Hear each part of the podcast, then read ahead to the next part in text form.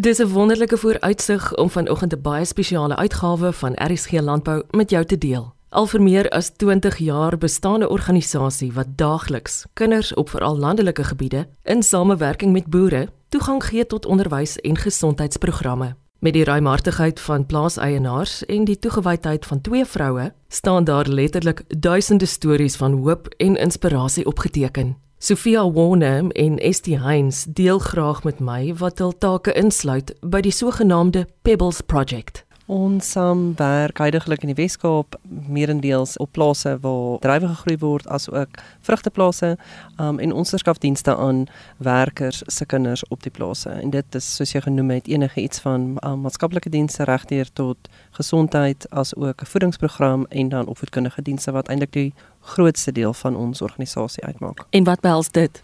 So ons het daar 'n voorskoolse program um, wat ons eintlik van met babas werk van die ouderdom van um 3 maande af en dan werk ons regdeur met hierdie leerders al die pad tot met die ouderdom op die ouderdom van 25 deur hulle voorskoolse program deur 'n voorskoolse program 'n uh, naskoolprogram as ook ons noem dit so 'n early adulthood program waar kinders waar leerders dan die geleentheid gegee word om um, verder te studeer of in een van ons vaardigheidssentrums by te woon. Hoe het jou pad gekruis met die van Pebbles Project? Ek het um, in 2008 ja, dit is nou amper 16 jaar terug, afgetrek van Pretoria af na Stellenbosch en ek het op advertensie gereageer, nie eintlik geweet waarvoor NGO staan of enigiets van die aard nie en ons het gedoen vir die werk en nog 16 jaar is ek nog steeds by Pebbles. Well, we understood that the challenge on the farms for the for the children of the workers was access, really, access to quality education, access to good healthcare, access to good nutrition.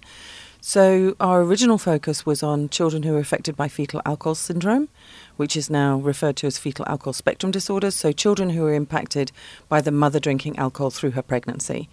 So, that was our original focus. And then we started working with ECD centres, early childhood development centres on the farms. And we were going to just focus there.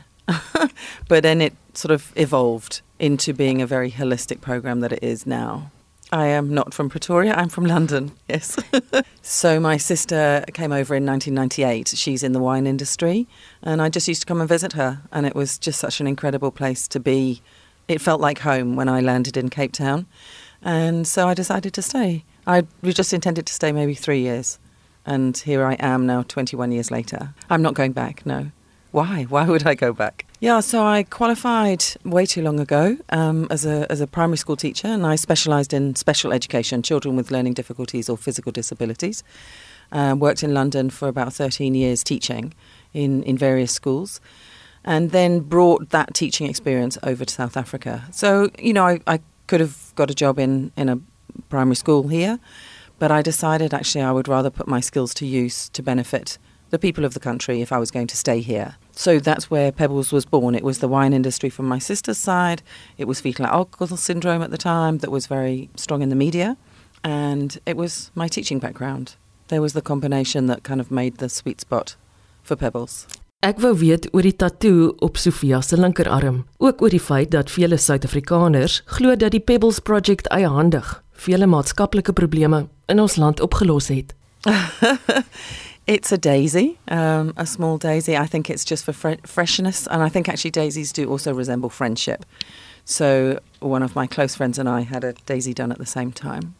Ag ek dink nie dit ons ons kan ooit die roem vat dat ons dit alleen doen nie. Um ek dink om hande te vat in die in die industrie is baie belangrik en ons werk ook saam met baie ander organisasies wat ons ondersteun in die werk wat ons doen as ook saam met die eienaars van die plase. So ek dink daar moet 'n wil wees om 'n verandering te wil maak en ek dink jy moet passie hê vir wat ons vir, vir, vir wat 'n mens doen want ek dink so verander ons lewens regdeur elke dag. Dis baie omvangryk wat julle doen as jy dalk kortliks aan my kan verduidelik waar is die areas waarin julle oral op hierdie stadium werk.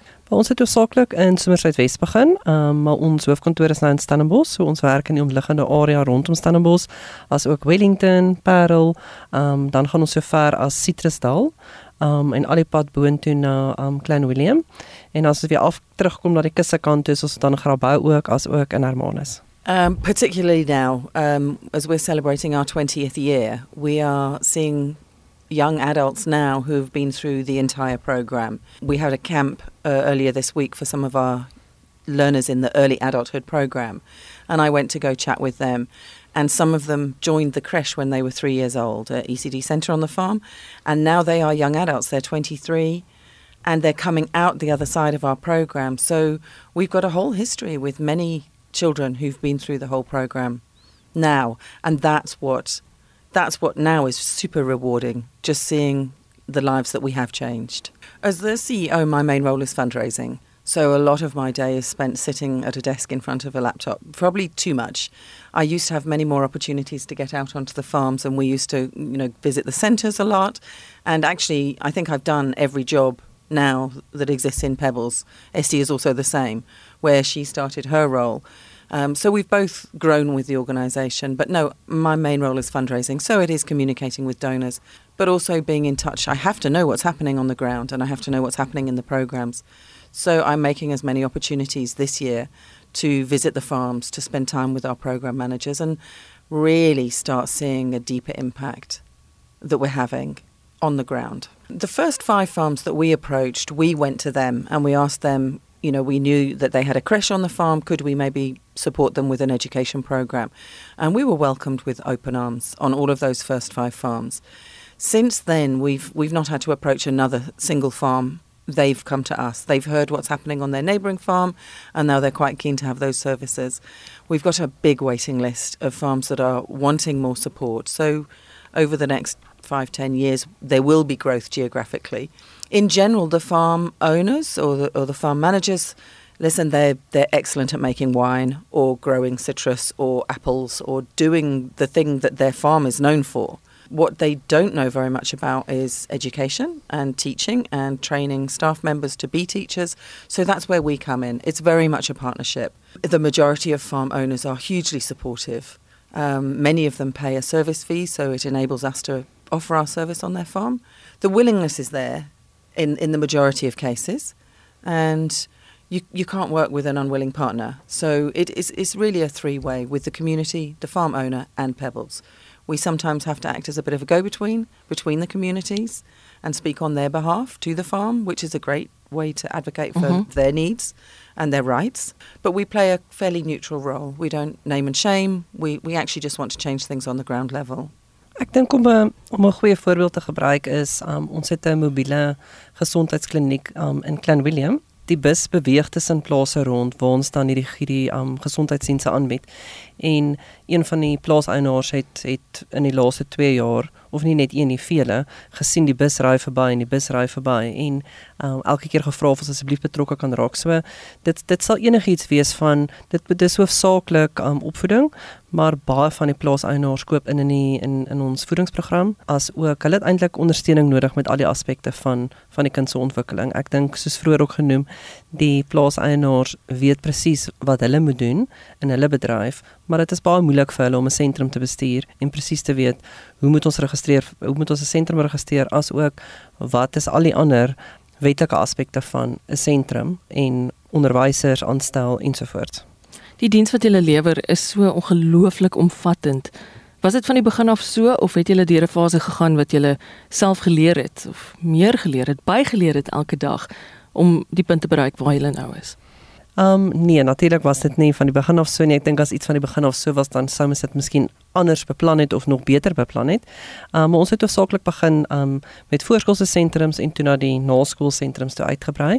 So dis so half hoofsaaklik die ehm um, opvoed opvoedkundige deel en toe het ons agtergekom dat die kinders wat die sentrums bywoon is honger en hulle raak gereeld siek en hulle is afwesig wat beteken die leer word beïnvloed. So ons het te besef dat 'n hongerkind kan nie leer nie, as ook 'n siek kind kan nie leer nie. So dit is natuurlik waar die ons gesondheidsprogram met ons met ons kliniek begin het. Um, ons kliniek is tans op Belera waar ons dan al ons sentrum se kinders sien dis ingesluit in die pakket um, alles verniet waar ons dan al voorkomende gesondheidsdienste aanbied en dan natuurlik die voedingsprogram het ek wil amper sê 'n jaar na die kliniek of na ons gesondheidsprogramme die het ons voedingsprogram begin. So maatskaplike dienste was nog altyd deel van ons wil ek amper sê van die projek. So ja, dit het oor tyd gegroei. Ehm um, maar ons het eintlik die boere natuurlik die boere nodig sodat ons organisasie dan ook volhoubaar is. We employ 5 previous beneficiaries um who work now within the organization. We've also got 3 inter 4 interns who are working with us and are due to take on another three interns this year. So we want to give the, the young adults an opportunity to do work experience, or it's part of their course. Maybe they're doing a course at Boland College and they need to do a practical couple of months or something. So we offer that opportunity for interns, and where possible, we will try and see if we can create a role within the organisation. So we have Mariana, who was a student. She went to study drama. She's now doing puppet theatre for the children as a development of literacy. Um, we have a couple of um, admin interns who are sitting in our office and are helping with administration and fundraising. And then we have some others who are working in the literacy program. So, yeah, if we can find an opportunity, we will. We have a, a young man who is also studying to be a social auxiliary worker and we are hoping that he will be able to be placed with us when he qualifies. So, expanding that way, if you've come from a farm, you understand the challenges on a farm and you understand the challenges that the community have. So, it makes sense for me if we can create opportunities to employ some of the learners. The kitchen was a new addition in 2019. So we had already been buying meals from an external service provider and feeding the children, but we wanted to have a better control over the quality of the food and we wanted also to make sure that the nutritional co- content was perfect. So we spoke to a Dutch donor and they came on board and paid for the building of a commercial kitchen that we have now. Um, they not only provide meals for all of the Pebbles children, but they also sell to other NGOs in the area, well, actually quite a wide area, low cost high quality nutritional meals. So we're feeding, yeah, many, many children, not just the Pebbles ones. Are spread across all different sort of agricultural regions and they grow different crops and so but but many of the challenges on the farms or the needs on the farms are the same. So it doesn't matter whether it's in Grabouw or Clanwilliam the needs and the challenges are the same. Those are the staff who work for the organisation. There are also now staff based in those facilities on the farms. So maybe previously it might have been an auntie on the farm who was just babysitting the children while the parents were at work. Now that person is being trained and we're putting also a lot of the early childhood development facilitators through accredited training. So we're opening doors for the, the staff on the farms as well. Even if they're not employed by us, there's another probably another hundred that are impacted by us. Okay, so Tash will um, comes from one of the farms in Stellenbosch, and was a bright young lad. We took them on a educational outing to the fire service in Stellenbosch. And I think it just inspired him, and he decided he wanted to volunteer there at the fire service. So we were actually employing him then as well, just to create a bit of income for him as a young adult. He was a sport coach taught soccer to some of the learners and at the same time volunteered at this fire service. And they eventually then employed him. A couple of years after being employed, he won an award for being, I don't know, the second toughest firefighter. It was, we were very proud. But he uses his background and he uses his skill and knowledge to inspire other young people on his farm. So he is a pure shining example of when things go right. There's opportunities on the farms also for you know for people to work on the farm where they live. But the point of Pebbles is to give them the opportunity to choose where they work. If they want to be a firefighter, if they want to work in administration in a logistics company, if they want to work as a chef, we've got chefs, we've got we've got young adults based in in many different businesses now. Tashwal is a is a great example, and I bumped into him the other day. And he still remembers now, oh, Miss Sophia, Miss Sophia. So he's always excited to see me. And for me, it's just, here's this young man who's made something incredible of his life. Mag ons wil om vir mekaar om te gee in die jaar wat voorlê, ingeskerp wees soos die van Sofia Warner en ST Heinz van die Pebbles Project. Ons boere is sorg nie slegs vir ons kosmandjie nie, maar ontferm hulle ook oor die jong mense van ons land met 'n onbaatsigtigheid wat sorg vir stories soos die wat ek graag met jou wil deel. Ek is Eloise Pretorius en ek wens jou 'n wonderlike Saterdagmiddag hier in die geselskap van RSG. Totsiens.